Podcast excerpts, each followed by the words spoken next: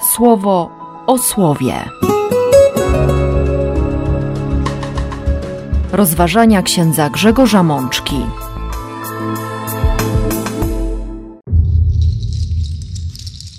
Druga niedziela Adwentu, rok C. Z księgi Barucha.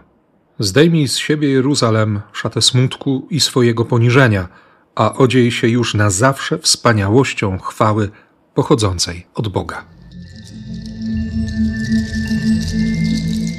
Z Psalmu 126. I zaczął Pan czynić nam wielkie rzeczy, a my byliśmy szczęśliwi. Z listu świętego Pawła do Filipian. Jestem przekonany, że ten, który położył w was fundament dobrego dzieła, dopełniać je będzie aż do dnia Chrystusa Jezusa. Z Ewangelii według świętego Łukasza. Doszło na pustyni słowo Boga do Jana, syna Zachariasza. Siostry i bracia, przed nami liturgia drugiej niedzieli Adwentu. Minął już tydzień naszego oczekiwania. Pewnie wielu z Was brało udział w roratach, w tym adwentowym czuwaniu razem z Maryją na przyjście Jezusa. Nie tylko w tym znaku małego dziecka, przecież na to narodzenie, na to przyjście oczekiwali z ogromną niecierpliwością i Maryja, i Józef. Ale to nasze roratnie zatrzymanie w ciemności w czasie Eucharystii pozwala też i ma tak naprawdę obudzić w nas tę tęsknotę za przyjściem Boga, który jest światłem, który nam wszystko rozjaśni, który nam wyjaśni sens naszego życia, różne sprawy, sytuacje, w których mamy się odnaleźć, a w których nie zawsze potrafimy widzieć Bożą obecność, Boże działanie. I bliżej nam niekiedy do, do postawy skulonego zwierzątka, które jest przestraszone i z lękiem patrzy na wszystko, co się dzieje wokół, niż do postawy serca, które czeka z niecierpliwością na to, co się jeszcze może wydarzyć. Dlatego dzisiejsza liturgia mówi nam przede wszystkim o nawróceniu, o zmianie myślenia. Zresztą wstępem do tego słowa, do tych czterech tekstów, które mają do nas dotrzeć w Eucharystii, jest modlitwa zbierająca wszystkie nasze intencje, którą tuż przed liturgią słowa usłyszymy. Spraw, aby troski doczesne nie przeszkadzały nam w dążeniu na spotkanie z Twoim synem. Niech nadprzyrodzona mądrość kształtuje nasze czyny. Niech doprowadzi nas do zjednoczenia z Chrystusem. Nawrócić się, czyli zmienić myślenie. Nie przykładać aż takiej wagi do tego, co nas nie poprowadzi do szczęścia i nie zaprzątać swojego umysłu i serca troską o to, co nie ma znaczenia na wieczność, a przeciwnie, szukać mądrości, która pochodzi z nieba i pozwoli nam odkryć skarb, jakim jest komunia z Jezusem. Rozpoczęliśmy ten kolejny rok duszpasterski w kościele w Polsce pod hasłem Eucharystia daje życie. Mamy przed sobą ponad 50 tygodni, by odkrywać, by uczyć się Eucharystii jako źródła życia. Ale nie tylko nauczyć się, przyjmować to życie. Dlatego o nawróceniu nie tylko trzeba mówić, ale nawrócenie, mówiąc kolokwialnie, należy praktykować. A jakie to słowo o nawróceniu dzisiaj daje nam Bóg we wspólnocie Kościoła? Ano najpierw mamy piąty rozdział Księgi Barucha. Właściwie to jest koniec księgi, ponieważ ostatnie wersety piątego rozdziału i cały szósty rozdział to odpis listu Jeremiasza do tych, którzy mieli zostać deportowani do Babilonu. Natomiast te dziewięć wersetów piątego rozdziału, które mamy dziś podane jako, jako pierwsze czytanie otwierające nam liturgię słowa, rozpoczyna się od wezwania: Zdejmij z siebie szatę smutku i swojego poniżenia, a odziej się już na zawsze wspaniałością chwały pochodzącej od Boga. Otul się podwójnie płaszczem sprawiedliwości od Boga. Nałóż na głowę diadem chwały danej przez wiekuistego. Bóg bowiem pokaże Twoją świetność wszystkiemu, co jest pod niebem. Nie chodzi tutaj oczywiście o to, żeby z kopciuszka stać się księżniczką, ale jak już powiedziałem wcześniej, chodzi o nawrócenie, czyli w największym skrócie przyjąć sposób myślenia Boga. uwierzyć temu, jak Bóg na nas patrzy, co w nas widzi, kim dla Niego jesteśmy. Zdjąć szatę smutku i poniżenia, tego przecież tak często wracającego do nas, znów mi się nie udało, znowu jest nie tak, powinno być lepiej, przecież tak się starałem czy starałam, co robię źle, znowu w życiu mi nie wyszło, inni mają lepiej, ja ciągle pod górkę i tak dalej, i tak dalej. Wiemy dobrze, że takie myśli prowadzą do naprawdę stanów głębokiej depresji, do przekonania o tym, że nie jesteśmy godni miłości, zainteresowania, chwili uwagi zarówno ze strony Boga, jak i ze strony drugiego człowieka. Jednocześnie kompulsywnie poszukujemy tych, którzy, którzy nami się przez moment chociaż zainteresują, i niestety w wielu wypadkach prowadzi to do tragedii, do uzależnień, do próby zaspokojenia swoich głodów albo realizacji swoich tęsknot w sposób, który absolutnie uwłacza godności człowieka. Nakręca się ta spirala prowadząca do doświadczenia bezradności, beznadziei, bez sensu wszystkiego, stawiająca czasami w postawie absolutnego upokorzenia, poniżenia, wpędzająca w ramiona rozpaczy i śmierci. Dlaczego Baruch słyszy takie słowa? Zdejmij szatę smutku i poniżenia, a ubierz się na zawsze wspaniałością chwały pochodzącej od Boga. Otul się płaszczem sprawiedliwości od Boga. Nałóż na głowę diadem chwały danej przez wiekuistego. Tak, to Bóg nadaje nam godność. To Jego zdanie o nas jest najważniejsze, jest najbardziej istotne. Nawrócenie zaczyna się od zmiany myślenia o sobie, naprawdę od przyjęcia punktu widzenia Boga, który patrząc na nas chce się nami chwalić. Bóg pokaże Twoją świetność wszystkiemu, co jest pod niebem. Czy my potrafimy tak o sobie pomyśleć? Jak często zdarza nam się ucieszyć swoim istnieniem? Jak mocne, jak głębokie jest w nas to przekonanie: jestem umiłowanym, jestem umiłowaną, jestem dzieckiem Boga. Nie jestem byle kim, mogę wysoko podnieść głowę, nie po to, żeby na innych patrzeć z góry, ale po to, żeby zobaczyć mojego Ojca. Ojca, którego pragnieniem jest moje szczęście. Ojca, którego wzrok mnie podnosi, dźwiga ku górze, szczególnie wtedy, kiedy, kiedy nie potrafię myśleć o sobie dobrze.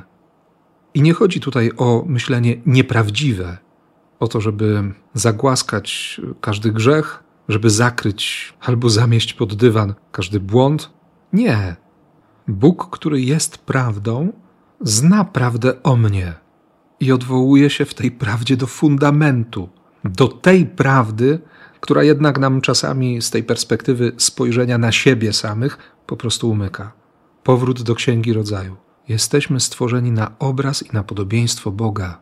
I owszem, diabłu zależy tak bardzo, żeby, żeby nas wprowadzić w ten stan, w którym odetniemy się od fundamentu, od tej pierwszej, najważniejszej prawdy.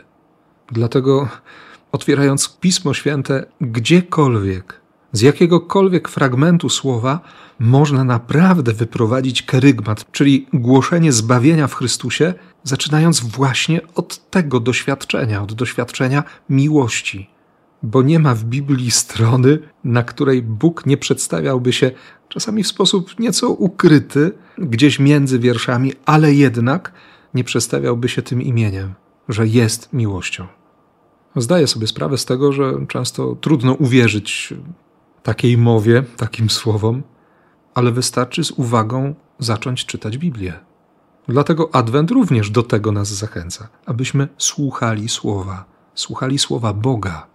Wejść na drogę nawrócenia to również znaczy więcej słuchać tego, który, który naprawdę wie wszystko, który się nami nie gorszy, który nas nie odrzuca, który nas nie potępia Przeciwnie, kocha tak bardzo, że jest w stanie, jest zdolny i robi to, czyli poświęca życie swojego syna, oddaje życie swojego syna w zamian za życie każdego z nas. To jest pierwszy krok, do zrobienia którego zachęca nas dzisiejsze słowo. Zmienić myślenie o sobie, o sobie samym.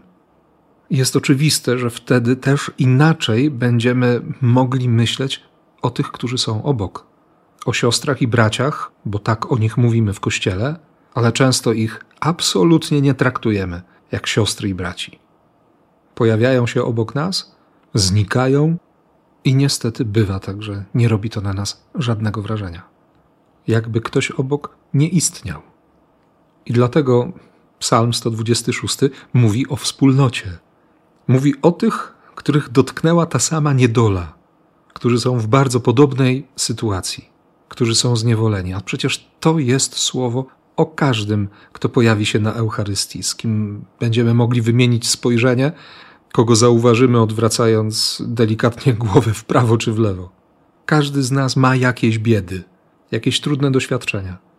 Często przychodzimy na tę Eucharystię niedzielną naprawdę zmęczeni całym tygodniem, obciążeni różnymi problemami, doświadczeni kłopotami. Pewnie pojawia się też wiele radości. Widzimy błogosławieństwo. Chcemy za to wszystko dziękować Ojcu, który jest w niebie. Jesteśmy wspólnotą.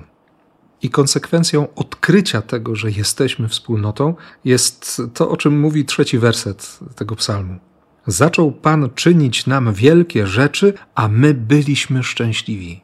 Pierwszym krokiem, do którego zachęcała księga Barucha, była zmiana myślenia na swój temat. Droga do wiary, że Bóg naprawdę kocha każdego z nas. Mnie kocha. Drugi krok dostrzeganie wielkich rzeczy Boga, które czyni dla wspólnoty. Nie tylko dla mnie, ale dla sióstr i braci. Tak, dla tych, których mogę traktować jako, jako moją rodzinę i którzy też uczą się mnie traktować jako swoją rodzinę. Reakcja? My byliśmy szczęśliwi. Kiedyśmy się ostatni raz ucieszyli tą wspólnotą, w której jesteśmy na Eucharystii. Naprawdę warto o tym dzisiaj pomyśleć. Warto się nad tym zastanowić, warto siebie o to zapytać. Bo radość otwiera też nas na braci, na siostry. Pozwala nam spojrzeć na drugiego nie jako na konkurenta albo kogoś, kto chce nam wydrzeć łaskę, kto chce nas pozbawić czegoś, co nam się należy, na co tyle pracowaliśmy, czego tak bardzo pragniemy. Przecież Bóg każdemu chce dać tyle, ile każdy potrzebuje. Dopiero co, kilka dni temu, słuchaliśmy w Ewangelii słowa o rozmnożeniu chleba. Prawie nic wystarczyło Jezusowi, żeby nasycić głód każdego z tych ludzi, którzy za nim szli. To było kilkanaście tysięcy osób. Cztery tysiące mężczyzn, przynajmniej drugie tyle kobiet, pewnie więcej, jakieś dzieciaki, siedem chlebów, kilka ryb. Bóg naprawdę nie potrzebuje dużo, żeby dać wszystko nie musimy się martwić, że nam łaski zabraknie, że dla nas już nie wystarczy. Czas na zmianę myślenia. Bo ta świadomość i ta zgoda naprawdę prowadzi do miłości. Od świadectwo Pawła z pierwszego rozdziału listu do Filipian. Będziemy słuchać wersetów od czwartego do jedenastego. Czym dzieli się Paweł na początku tego listu? Składam dziękczynienie przy każdym wspomnieniu o Was Jestem przekonany, że ten, który położył w was fundament dobrego dzieła, dopełniać je będzie aż do dnia Chrystusa Jezusa. Słusznie tak myśleć powinienem o was wszystkich, bo mam was w swoim sercu. Bóg mi świadkiem, jak bardzo z czułością Chrystusa Jezusa tęsknię za wami. A oto się modlę, aby wasza miłość rosła coraz bardziej i bardziej Paweł tęskni, Paweł kocha, ale też wie, że na tę tęsknotę i na tę miłość może liczyć ze strony adresatów listu. Kościół, który został założony właśnie tam, w środowisku bardzo trudnym, to byli przede wszystkim emerytowani żołnierze, którzy niejedno widzieli, z niejednego pieca jedli chleb i niejedno życie odebrali. A Paweł, znając ich, głosząc im przez jakiś czas Ewangelię, i doświadczając ich troski, mówi: Wy potraficie kochać, więc modlę się, żeby ta miłość rosła jeszcze bardziej. Abyście dzięki Chrystusowi byli napełnieni plonem sprawiedliwości na chwałę i cześć Boga. I jestem przekonany, że ten, który położył w Was fundament dobrego dzieła, dopełniać je będzie aż do dnia Chrystusa Jezusa. To zdanie warto sobie często przypominać. List do Filipian, pierwszy rozdział, szósty werset. przekładzie Biblii Tysiąclecia ten tekst brzmi: Mam ufność, że ten, który zapoczątkował w Was dobre dzieło, dokończy go do dnia Chrystusa Jezusa. Skąd w Pawle taka nadzieja, takie przekonanie, taka pewność? Ano wynika ona z tych wcześniejszych kroków, do których zaprasza nas dzisiejsze słowo. Paweł uwierzył opinii Boga na swój temat, a nie trzymał się kurczowo tego, co sam o sobie myśli a potem zauważył wielkie dzieła, które Bóg czyni we wspólnocie. To budziło w nim za każdym razem niekłamaną radość i wreszcie stało się fundamentem, fundamentem przekonania, że dla Boga nie ma rzeczy niemożliwych i że jeśli Bóg czegoś się podjął, to będzie konsekwentnie realizował to dzieło. Czego się podjął Bóg w naszym życiu? W moim wypadku, na przykład, poprowadzić mnie do zbawienia przez kapłaństwo to jedno z wielu przymierzy, które Bóg ze mną zawarł. Dobrze byłoby dzisiaj zatrzymać się i pomyśleć o tym przymierzu, które wy zawarliście z Bogiem, które Bóg zawarł z wami. Małżeństwo, konsekracja, jakieś formy apostolstwa, posługi w kościele, konkretne powołania, które wypełniacie jako pracę, i tak dalej, i tak dalej. To jest konkret, bo Bóg działa bardzo konkretnie, bardzo realnie Temu również daje nam świadectwo dzisiejsza Ewangelia. Początek trzeciego rozdziału redakcji świętego Łukasza. Piętnasty rok panowania Tyberiusza. Rządcą Judei jest Poncjusz Piłat, Herod tetrarchą Galilei, Filip tetrarchą Iturei i okręgu Trachonitis, Lizaniasz tetrarchą Abileny, arcykapłanem jest Annasz, Kajfasz. W tym konkretnym czasie opisanym tak szczegółowo przez ewangelistę Łukasza, doszło na pustyni słowo Boga do Jana, syna Zachariasza. Nie było reklamy na cały świat, ale słowo Boga wykonało konkretną drogę, trafiło do Jana.